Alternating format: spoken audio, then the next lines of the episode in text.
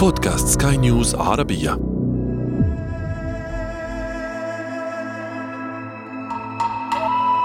الكائن ده إزاي هو كائن صغير وفي نفس الوقت بيملك سم قوي وفي نفس الوقت كائن ليلي وبيصطاد اكله وبيعيش إزاي؟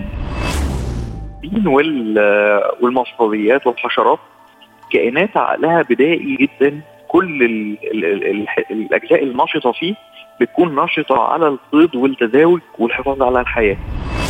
كيف هالشخص ما بيخاف؟ يربي عقرب عنده بالبيت. يعني شو لو هالعقرب قد- قدر يهرب وقدر يتسلل على التخت وقدر يعض.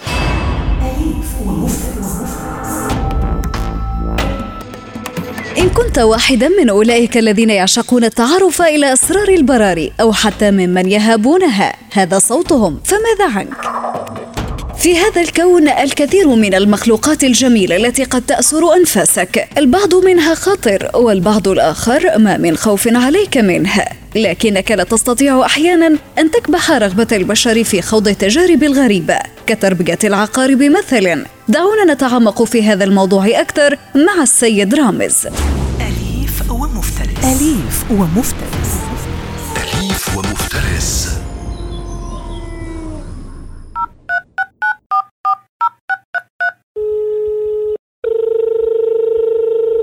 مرحبا سيد رامز. أهلا بحضرتك. الإنسان فضولي بطبعه ولكن أن يصل الفضول إلى درجة أن نود اكتشاف عالم العقارب وفك ألغازه أمر غريب.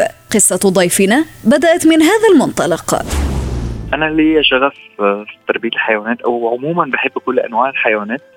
فقابلت أكتر من مرة في رحلات ليا في الصحراء أنواع عقارب.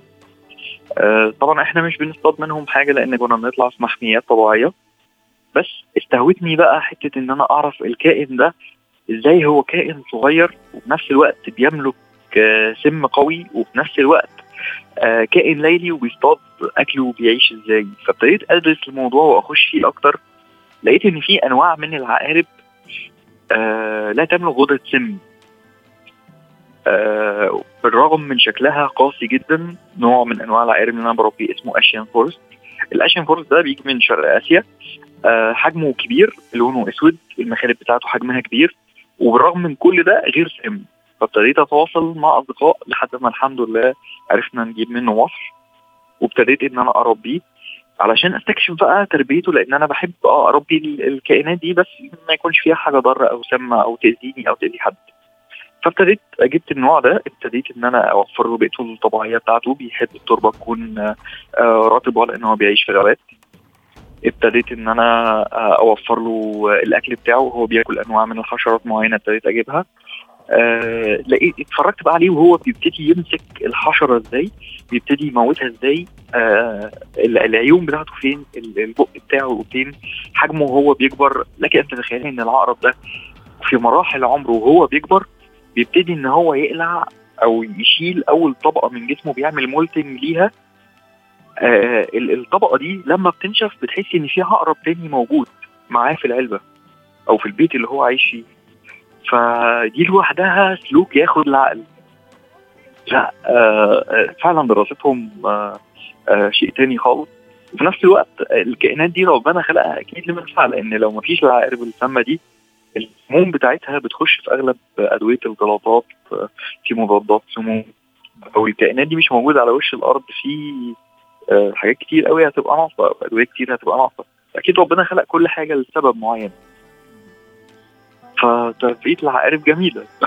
من أولى الحقائق التي يكتشفها مربو العقارب أنها كائنات ليلية. لا تحب الضوء وفي فترة التزاوج لابد أن يطلب ذكر العقرب من أنثاه أن ترقص معه رقصة الزواج. ومن بعد تلك الرقصة بفترة وجيزة تأتي ثمرة رقصة الزواج وتكون الأنثى محملة بالعشرة من صغار العقارب على ظهرها.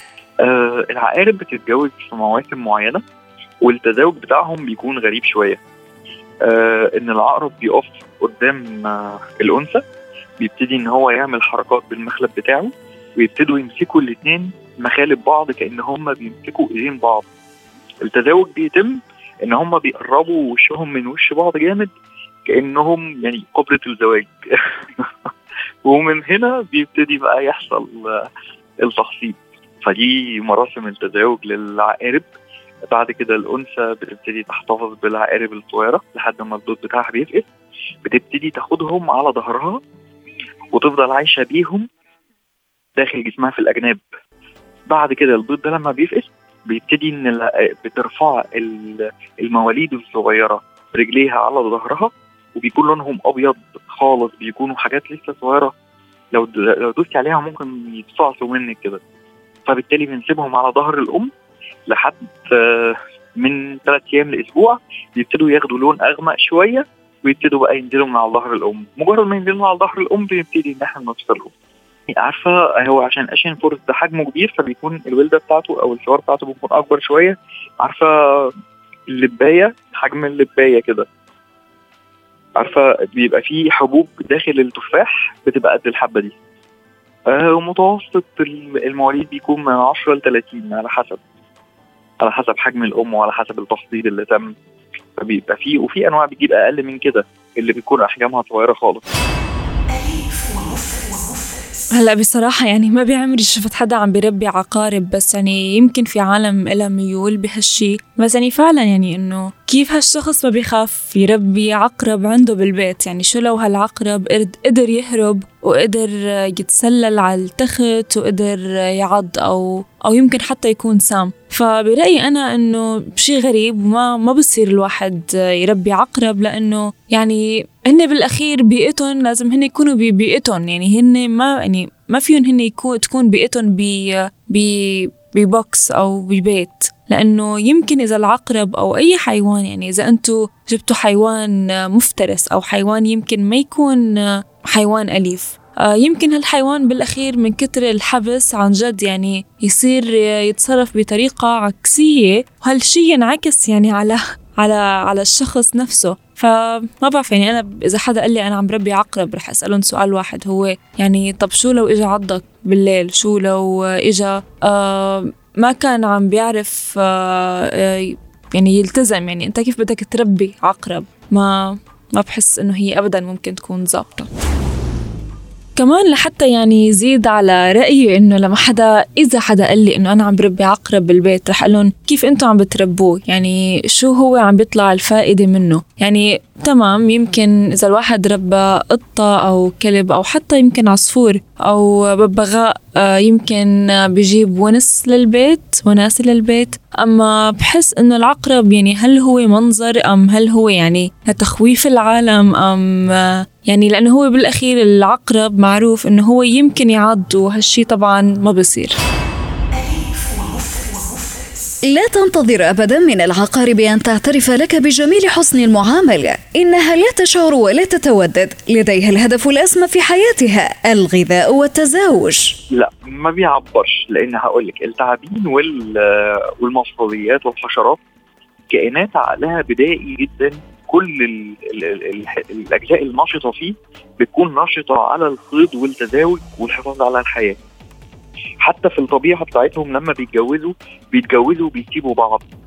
مفيش علاقات أسرية بينهم وبين بعض غير الثدييات وغير القوارض وغير ال- الحاجات اللي ممكن تتربى ثانية أي حاجة هتلاقيها بينها وبين بعض في عائلات في زوج وزوجة دي بتبادلك الشعور. لكن هوام الأرض زي السلاحف وزي العقارب وزي التعابين دي هوام أرض يعني إن هو بيخرج من عشه أو بيخرج من المكان اللي مستخبي فيه يفضل يلف في الأرض. ياكل وينام في أي مكان تاني. وموسم التزاوج بيفضل ماشي في الأرض.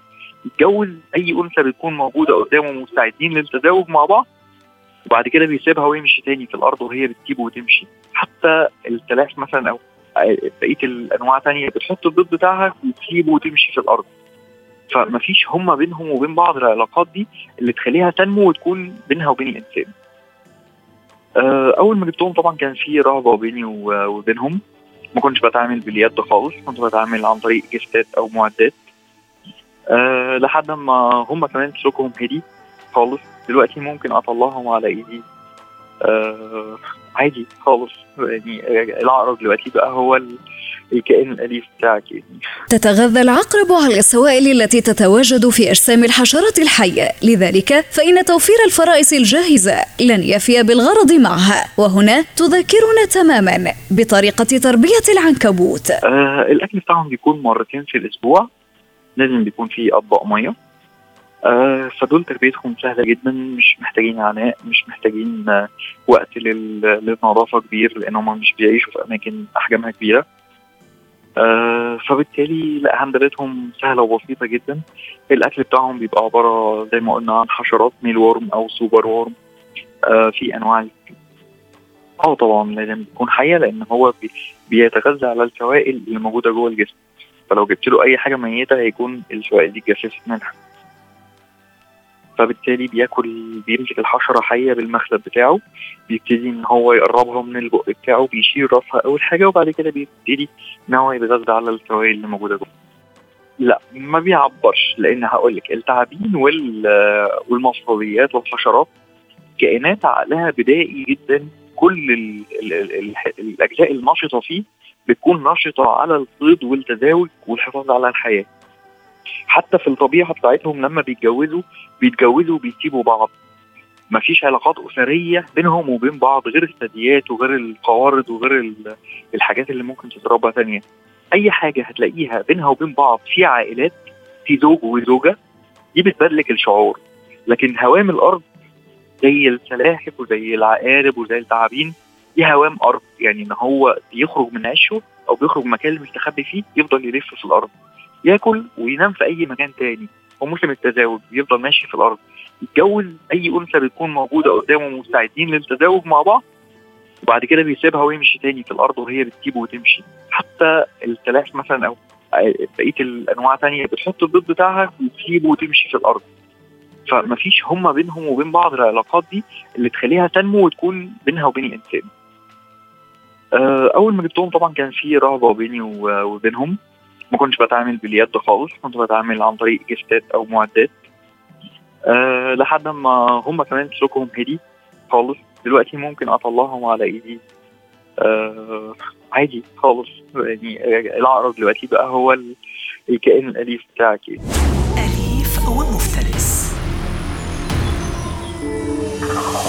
أمل أن تكونوا جميعا أوفياء لحيواناتكم الصديقة حتى إن أصيبت بمرض ما فذلك هو واجب الصداقة ولا تنسوا أبدا العناية بها وبمحيطها والالتزام بلقاحتها وزيارة الطبيب البيطري بشكل دوري. ولا تنسوا أن تكونوا أوفياء لنا أيضا بالاستماع إلى مختلف حلقاتنا من بودكاست أليف ومفترس. كنت معكم في الإعداد والتقديم أنا إبتسام العكريمي وكان معكم في الإخراج الصوتي إيدي طبيب.